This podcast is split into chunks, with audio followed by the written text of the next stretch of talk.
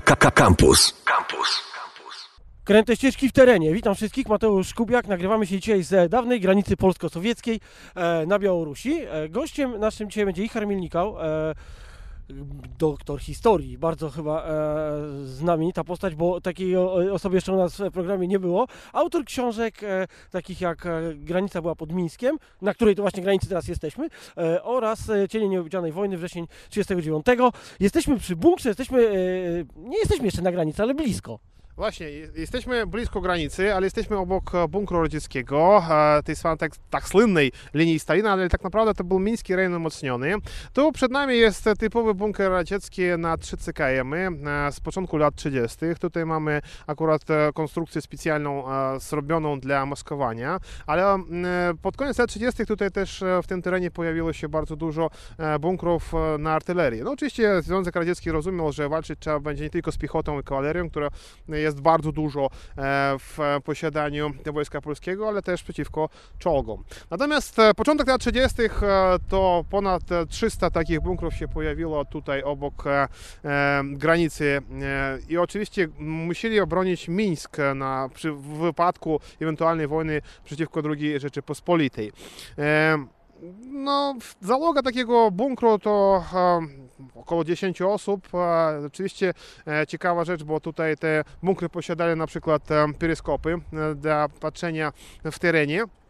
I bunkry te były postawione na bardzo wysokich punktach i obserwacja była bardzo dobra. Przed nami jest droga, stara droga, tak zwany Starowileński Trakt. Akurat w 1941 roku na tej, po tej drodze nacierali Niemcy na Mińsk i e, tutaj były też potężne e, walki.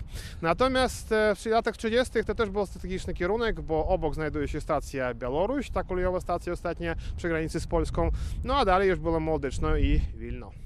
A powiedz mi taką rzecz, bo e, te linie wszystkie mają to do siebie, że e, budowano w latach 30., ale różnie było z wykorzystaniem tego. Czy tutaj też tak było, że wybudowali i w zasadzie nie, nie zagrała ta linia w czasie wojny? Właśnie o to chodzi, że problem polegał na tym, że budowano to na wypadek wojny przeciwko Polsce, a walczono przeciwko Niemcom już w czerwcu 1941 roku.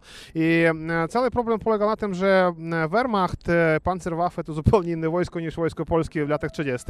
I niestety walczyć trzeba było po prostu już zupełnie z innym wrogiem. Dlatego też e, wrzesień 1939 roku granica poszła na 300 km na zachód i e, właśnie granicy już tutaj z jednej strony niby nie było, ale z drugiej strony była, bo Sowieci trzymali tą linię granicy i tutaj niestety nie było wojska. I w 1941 roku, kiedy właśnie zaczęła się wojna między Niemcami a Związkiem Radzieckim, e, spróbowali organiz- zorganizować tutaj obronę, ale e, broniła się 64. Dywizja Piechoty Armii Czerwonej, która nie posiadała wiedzy, co to jest właśnie linia umocnień, co to bunkry i tak dalej, gdzie tam walczyć. Dlatego niestety tam, gdzie była obsada tych bunkrów, tam walczono i Niemcy opisywali te walki. Natomiast tam, gdzie nie było tych, e, tych, zalog, tych zalog, tych bunkrów, niestety walk potężnych nie było. Niemcy przeszli, trzy dni bronił się Zasław, ale po trzech dniach Niemcy już zajęli Mińsk. Dobrze, więc e, Zasław e, padło na końcu. Tak się składa, że właśnie w tym Zasławiu jesteśmy i z Zasławia jedziemy e, dalej śledzić ślady granicy. Tak szczerze, szybko. Zostało coś z tej granicy, czy będziemy szukać po prostu... Zobaczymy samą linię granicy w ogóle. Zostało no, nie tak dużo oczywiście infrastruktury, ale linię zobaczymy.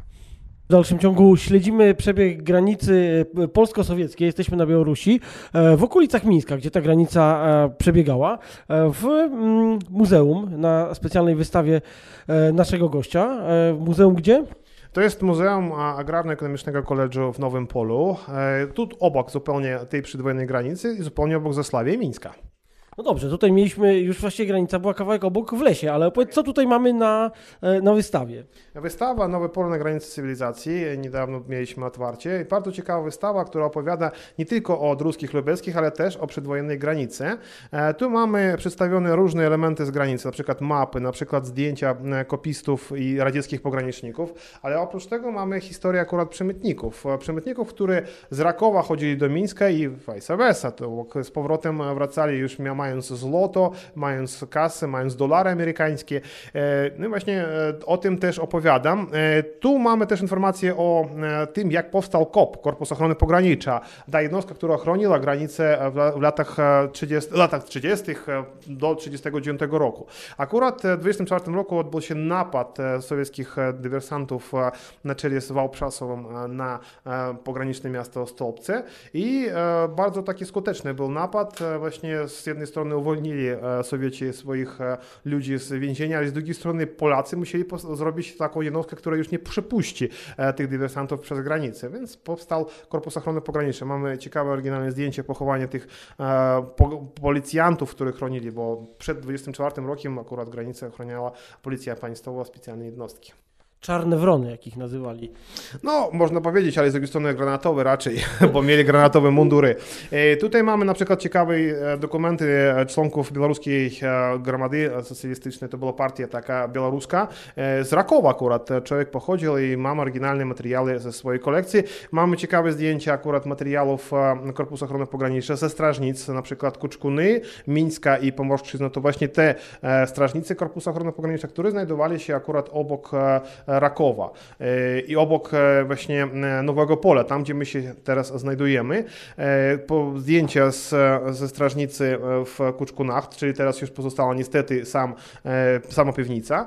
No i oczywiście mapy z polskich archiwów, tak jak wyglądali strażnicy, na przykład w Korpusu Ochrony Pogranicznej, te wszystkie mapy, zdjęcia zwykłych kopistów, o, na przykład odrutowanie tej granicy mamy też bardzo ciekawe, no więc taka informacja bardzo szczegółowa, nie tylko dla obcokrajowców, ale też bardzo ciekawa dla e, Białorusinów. I co, cie- co ciekawego, mamy bilety e, autobusowe e, z różnych miast polskich do Rakowa.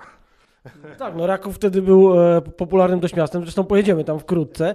E, ja tutaj e, się chciałem zapytać, e, czy ta granica była naturalnie puszczona po jakiejś rzece, czy ona tutaj totalnie przez las e, szła? Bo z tych e, książek Piaseckiego, które czytam, to wynika, że oni czasami po prostu tą granicę nawet nie wiedzieli, kiedy przeszli. To były 20 lata, kiedy ona jeszcze nie była odrutowana, powiedzmy sobie. E, Było tak, że e, w niektórych miejscach e, przechodziła rzeka, ale w niektórych miejscach był normalny las i wtedy tam trzeba było stawić po prostu drut kolczasty, trzeba było ze strony radzieckiej na przykład robić wilcze doły i różne takie e, mm, zapory, żeby nie przypuszczać tych właśnie ludzi, którzy nielegalnie chodzili. Bo aby przyjechać na przykład legalnie na teren Białorusi Radzieckiej, trzeba było mieć wizę. Wizę trzeba było dostawać na terenie Warszawy, w konsulacie radzieckim. No nie każdy na przykład pojedzie na, do konsulatu radzieckiego, jak on ma na przykład e, e, grani, granicy zupełnie blisko. No a stąd było z 450 km, jak nie 500 nawet. Właśnie o to chodzi.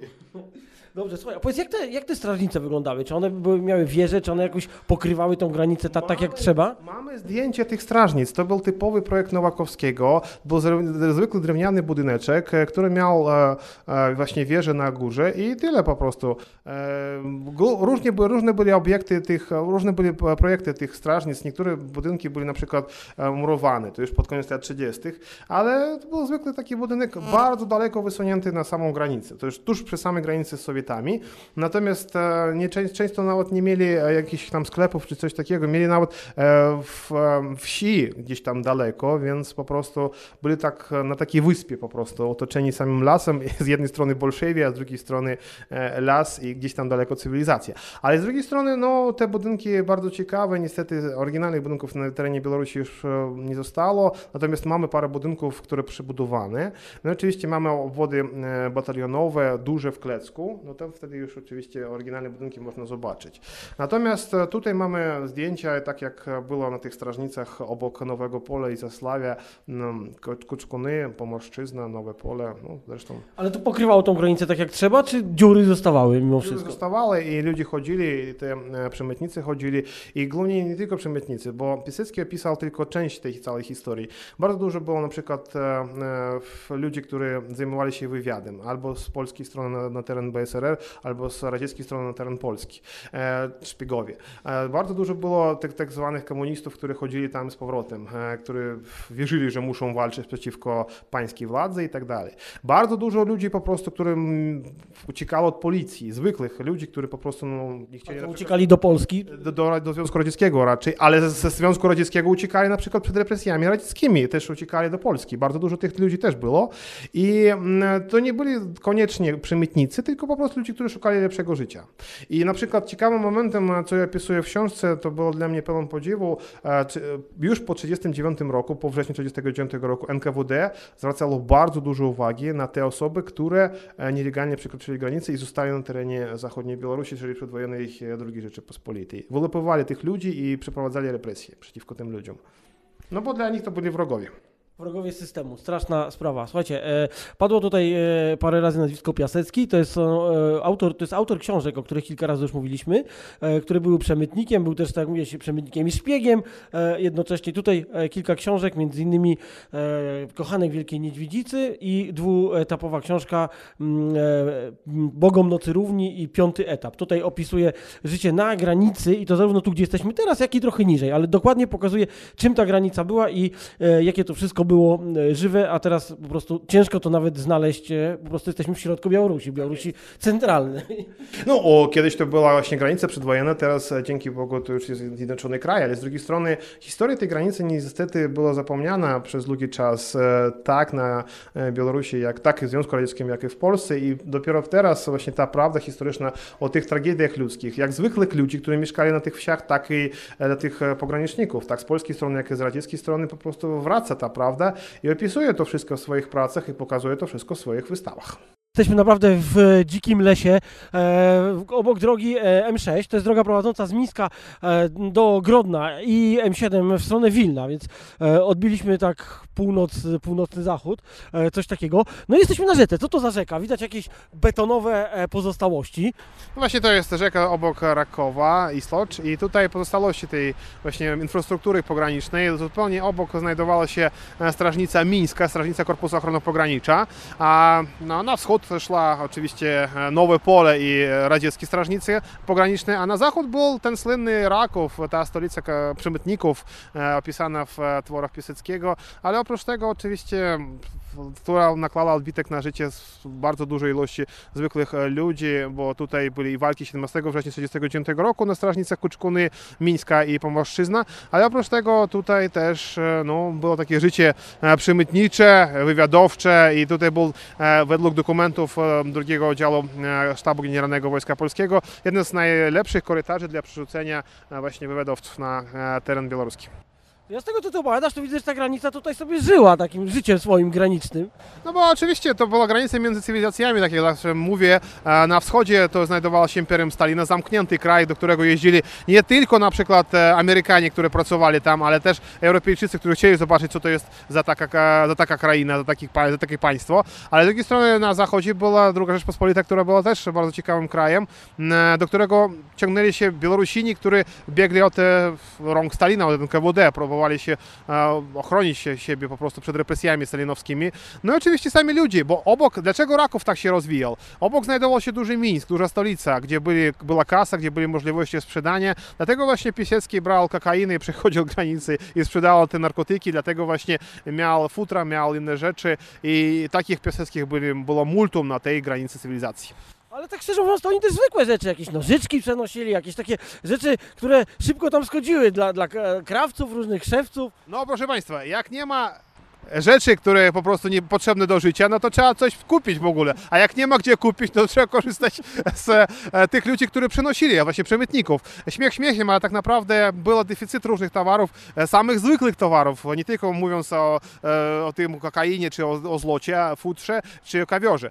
Mówiono było o samych potocznych rzeczach. Ubrania jakieś, jakieś ciuchy, coś, jakieś rzeczy, jedzenie, sól. grzebienie, pamiętam, takie proste rzeczy totalnie. A mam ciekawą historię z pogranicza, to co prawda nie tutaj, tylko w Radoszkowiczach. Się 15 września 1939 roku e, pani ze swoim synem przekroczyła z Wiazynki do Radoszkowicz na rynek. Poszła po prostu, bo już w Polsce nie było soli, bo trwała wojna. I złapano prze- przez pograniczników radzieckich. Pogranicznicy zapytali, e, po co pani przyszła tutaj? No proszę pani, proszę pana, nie mamy tam soli. Więc e, dali jej soli, zaprowadzili na granicę, odpuścili i powiedzieli, proszę pani, niech pani wraca, za parę dni pani będzie miała i sól i zapałki. I wjechali 17 I września. 17 września przekroczyli granicę i już e, zupełnie inna rzecz- rze- rzeczywistość e, już na tych terenach. Słuchaj, jesteśmy nad rzeką, e, rzeką Isłocz e, i e, to nie jest duża rzeka, ale jest z tego co pamiętam, to też ona stanowiła taką przemytniczą przeszkodę poważną. E, W latach 30. e, te rzeki, zapory, te wszystkie kanały to były zupełnie inne. To były, to były bardzo potężne rzeczywiście rzeki, które można było przepłynąć albo przez jakąś tam łódź czy coś takiego. Teraz latem można tutaj normalnie chodzić na piechotę, bo to wszystko wyschnięte i normalnie można podejść do tych betonowych konstrukcji bez żadnych problemów. E, Natomiast e, wtedy w latach 30. zupełnie inny teren, zupełnie inne rzeczywistości. Teraz e, obok nas znajduje się, nie można powiedzieć, że to jest jakiś głuchy las, znajduje się duża droga i cała infrastruktura. Wtedy, w latach 30., no to rzeczywiście była jedne, z jednej strony blisko Mińska, a z drugiej strony to jest krainiec świata. No tak, ale z drugiej strony widzimy, że roślinność jednak jest inna, widać, że coś, coś tutaj było. No, roślinność inna, bo zupełnie inne no, osiedla tutaj. Kiedyś to była strażnica, teraz to już tam wioska znajduje się, po prostu ludzie się żyją. I oczywiście sporo wycięto. Budowano teraz obwodnicę. E, Kiedy budowano obwodnicę, to też zmieniono teren na przykład. No ale cóż, takie to życie było. Dobrze, słuchajcie, jedziemy w takim razie do Rakowa, zobaczyć czy Piasecki pisał prawdę, że to miasto jest bardzo e, do przodu, to wtedy było tam e, dziesiątki knajp i różnych barów, e, mnóstwo przemytników, e, forsa, dolary lały się tam e, strumieniami, jak już powiedziałeś, nie, nie, zawsze legalne e, rzeczy e, tam podawano, ale były to czasy, kiedy na przykład Piasecki pisze, że e, kokainę spokojnie kupował e, w polskiej aptece e, w kilkugramowych opakowaniach. Byliśmy przy Pałacu Druckich Lubeckich, a aktualnie jesteśmy przy e, kaplicy e, grobowej e, i dojechaliśmy do legendarnego Rakowa, e, centrum przemytników, ale zanim wjedziemy i zobaczymy e, jak wygląda Raków, jesteśmy na cmentarzu, gdzie o dziwo wszystkie napisy na grobach e, są polskie, mimo pochówków powojennych. E, Chodzi o to, że, e, chodzi o to, że tak naprawdę e, ten grobowiec Druskich Lubeckich to jest naprawdę symbol e, e, tej granicy przedwojennej, bo e, Krystyna Rusko-Lubecka, która tu jest pochowana, no, jest ofiarą tej granicy. E, W 21 roku szła do Nowego Pola, e, chciała przekroczyć granicę, oczywiście nielegalnie, chociaż już była granica i w miasteczku, czy we wsi Cieszewicze, obok Robieżewicz, została złapana przez czerwonoarmistów. Dziewczyna była hard, dziewczyna przy sobie miała Browninga, pistolet i po prostu siedziała i kiedy usłyszała, że jej chcą, chcą wysłać do Mińska, zaczęła biegnąć stąd. E, pogranicznicy za nią, ona wyciąga Browninga i zestrzeliła oficera pogranicznika radzieckiego. Niestety złapali jej pogranicznicy, zabili. Dziewczyna została pochowana w Kojdanowie. E, Teraz my znamy to miasto jako Dzierżyńsk, a kiedyś do 1932 roku to był Kojdanów. I rodzina, czyli Maria Drucko-Lubiecka, walczyła do 26 roku, aby szczątki tej Krystyny wydobyć ze związku. E, Konsulat polski w Mińsku próbował wydobyć, próbowali różne e, organizacje. Dopiero w 26 roku Konstanty, Józef i Maria Drucka-Lubiecka akurat zdobyli szczątki Krystyny, bo już zginął ten grób, nie, nigdzie, nie wiedzieli, gdzie ten grób. Znaleźli starą osobę, która znalazła ten grób. I właśnie e, przywieźli grób e, już, e, przy- przywieźli te szczątki do Rakowa i pochowali najpierw w, grobie, a później zrobili taki grobowiec. Tragedia e, nie kończy się w 21 roku e, i w 26 roku. Tragedia ciąg dalszy mamy z mamą Marią Drucką-Lubiecką, e, czyli mamą Krystyny, która przez cały okres międzywojenny nie mieszkała w Warszawie, tylko mieszkała w Rakowie, w bardzo takich ubogich umowach. W okresie okupacji niemieckiej też było ciężko jej, a w 1945 roku postanowili Polacy, którzy mieszkali w Rakowie, wyjechać do Polski, no bo już widzieli, że ten teren zostanie e, nie w Polsce, tylko na terenie Białorusi Radzieckiej, więc e, najbliższa stacja kolejowa tutaj Alechnowicz, wszyscy zebrali się i pojechali tam. Pojechała też Maria Drucko-Lubecka, ale tam niestety jej skradli rzecz. I ona wróciła e, tutaj do tego Rakowa i rok po tym umarła. Więc e, przez długi czas tutaj ona sobie postawiła ten e, grobowiec bez tej daty, oczywiście bez daty śmierci, a później wybito tę dat, datę, bo widać, że to był akurat nowy napis. Teraz jest pofarbowane, a wcześniej tak to było. Więc ten grobowiec to jest akurat symbolika tej granicy i tych ofiar na pograniczu. Słuchaj, powiedz tak szczerze, bo jesteśmy 300 km od Polski, a to są wszystkie napisy e, cmentarzy po polsku. Się, e, czuję się dość dziwnie, to jest specyfika takich właśnie e, dawnych polskich terenów, ale naprawdę do Polski mamy stąd kawał drogi.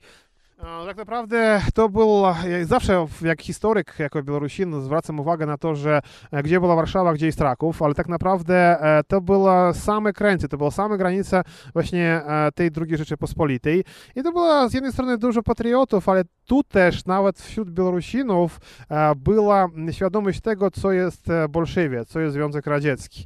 Dlatego właśnie ta polskość to była też elementem europejskości, które brakowało tym Białorusinom, na przykład e, w okresie międzywojennym dzisiaj też brakuje. No i dlatego właśnie mm, ten moment e, mm, sprzeciwu przeciwko władzy radzieckiej zachował się w tym też na napisach, e, które e, po polsku mamy na tych e, grobach, ale też było sporo ludzi, po prostu Polaków, które właśnie tutaj byli pochowani. Tam jest bardzo ciekawy grób, o którym też powiem. Tak jest. Tak, od razu zwróciłem uwagę, bo masz napisane, że tutaj są nie, po białorusku łaciną. No chodź może tutaj podejdziemy. Słuchajcie, jesteśmy cały czas na cmentarzu, gdzie naprawdę każdy grób jest bardzo interesujący. No Tak, legendarny. E, I e, ja zwróciłem uwagę, bo e, jest grupa ortodoksów zapisujących język białoruski łaciną. I tutaj mamy właśnie taki przykład. E, To jest grup ofiar e, właśnie wojny, tak można powiedzieć, e, w jakim sensie, w jakim sensie wojny domowej, która trwała w okresie II wojny światowej na terenie Białorusi. Tu pochowani młodzi mieszkańcy Rakowa, właśnie Białorusini, którzy w 1942 roku zapisali się do policji okupacyjnej. Oni nie dostali w do, do ręku broni, nie dostali uniformy, mundurów, tylko po prostu byli młode chłopaki. Wieczorem ich przyjęto do policji, na, z rana musieli pojechać do Alechonowic na stację kolejową, ale niestety po drodze na Alechonowicze ich złapali partyzanci radzieccy i wszystkich. I nie mieli broni, nie mieli nic w ogóle przy sobie, tylko po prostu właśnie taki i młod, młodzi chłopaki, mi- mieli po 20 coś tam lat. Tu mamy e, katolicki cmentarz i tu mamy katolików, natomiast tam mamy dalej prawosławny cmentarz i tam też mamy ofiary tej tragedii. Więc e, ciekawe jest napisane, e, tu spoczywają syny Białorusi, a na dole napisane jest pamięć od administracji e, Біла... от місцевої білоруської улади, от мі- місцевої влади білоруської, пам'ять. Więc e, no, e, historia bardzo ciężka białoruska, ale tu obok e, druskich lubeckich leżą ofiary innej wojny, ale która toczyła się w tym okresie. Cały czas śledzimy przebieg e, so- polsko-sowieckiej granicy e, z lat 20. i 30. No i nie sposób mówić o granicy polsko-sowieckiej, nie wspominając 17 września, a tak się szczęśliwie składa, że jesteśmy na ulicy, którą właśnie do Rakowa e, wkraczały wojska sowieckie z nieodległego tutaj Związku Radzieckiego do Polski. Tak jest. E, jesteśmy obok e, e, wsi Wielkie Siolo. Tam znajdowała się radziecka zastawa pograniczna. No i właśnie pierwszymi jednostkami uderzeniowymi byli właśnie radzieccy pogranicznicy, którzy przekroczyli tą granicę, które przeszli linię, zniszczyli, zaczęli niszczyć polską infrastrukturę pograniczną, a za nimi szli już jednostki radzieckiej Armii Czerwonej i akurat tą uliczką kościelną przejeżdżali i słynne zdjęcie z gazety Prawda, z gazety Zwiestia, na której widzimy radziecki czołg BT BT-7 i obok niego przejeżdżający samochód e, mm, e, osobowy radziecki. Akurat jechał przez tą e, uliczkę i przyjeżdżali i radziecki fotograf akurat zrobił to zdjęcie, bo na tym zdjęciu obok tych pojazdów radzieckich widać charakterystyczny kościół Rakowski. No i akurat e, ta historia e, była bardzo ciężka, bo tutaj czerwonoarmistom trzeba było zniszczyć e, trzy strażnice. To była strażnica Mińska, strażnica Kuczkuny i strażnica Pomorszczyzna. Na Pomorszczyźnie były bardzo zacięte walki, w Kuczkunach też em, e, bolszewicy pociągnęli nawet czołgi i e, armaty, czyli, czyli działa artyleryjskie i niszczyli po prostu, szliwali, e, budynek całości był zniszczony, jak i w Pomorszczyźnie zresztą. E, Część kopistów odeszła, e, spróbowała odejść, ale no, część, część ich zginęło w trakcie tych walk. E, Walki były e, dość potężne i nikt nie czekał na to, że e, tam we wrześniu 1939 roku, 17 września, że kopiści będą się bronić, bo powtarzam, albo po raz pierwszy mówię, że nacierali bataliony piechoty radzieckiej, a na strażnicach było tam 15-20 żołnierzy. Więc oczywiście przewaga była po stronie radzieckiej, ale taka, takie było życie i każda strażnica zaprawdę walczyła. No dobrze, jak to, powiedz od razu, jak to, jak to wyglądało potem? Jak e, zajęli to tutaj, wtedy mieszkali Polacy, co musieli wszyscy uciekać, czy, czy jak się to rozegrało? Ludzi było deportowano. e, Na, na, na, na takich rzeczy, życiu było w ogóle no, pograniczne tym, e, była zona zagrodzenia, granica trzymana była do 1941 roku, ale tak naprawdę e, no, e, życie było bardzo ciężkie i Sowieci nawet planowali wysilić bardzo dużo, dużo, dużą liczbę ludności miejscowej, ale dzięki Bogu nie udało się im to zrobić, a w 1941 roku już Niemcy napadli, dawny sojusznik Związku Radzieckiego na Związek Radziecki i już Hitler ze Stalinem pokłócili, miękko mówiąc, a po wojnie już niestety twarz tego miasta się zmienił, bo jak wiemy, bardzo dużo Żydów mieszkało w każdym miasteczku i niestety bardzo dużo Żydów tutaj na terenie mm, Rakowa było zniszczone. E, Akurat e, e, w miejscu starej synagogi zostali e, zniszczeni, rozstrzelani, spaleni, spaleni. A tak naprawdę sporo Polaków po II wojnie światowej wyjechało po prostu na terenie e, nowe, odzyskane do e, Śląska, do Gdańska, do innych terenów i właśnie e, już tutaj, e, jak mówiłem wcześniej, sporo ludzi przyjechało z różnych terenów Białorusi, które nawet nie kojarzyli o tej przedwojennej historii e, Rakowa, słynnej historii, której opisał Sergiusz Pisecki. No właśnie, tutaj z Sergiusza Piaseckiego wynika, że to było po prostu tętniące życiem miasto, że to było kilkadziesiąt knajp, a my chodzimy po takiej zwykłej białoruskiej wsi, może trochę większej, ale, ale to tak naprawdę, to tak naprawdę tyle, tak? Nie widać tej świetności.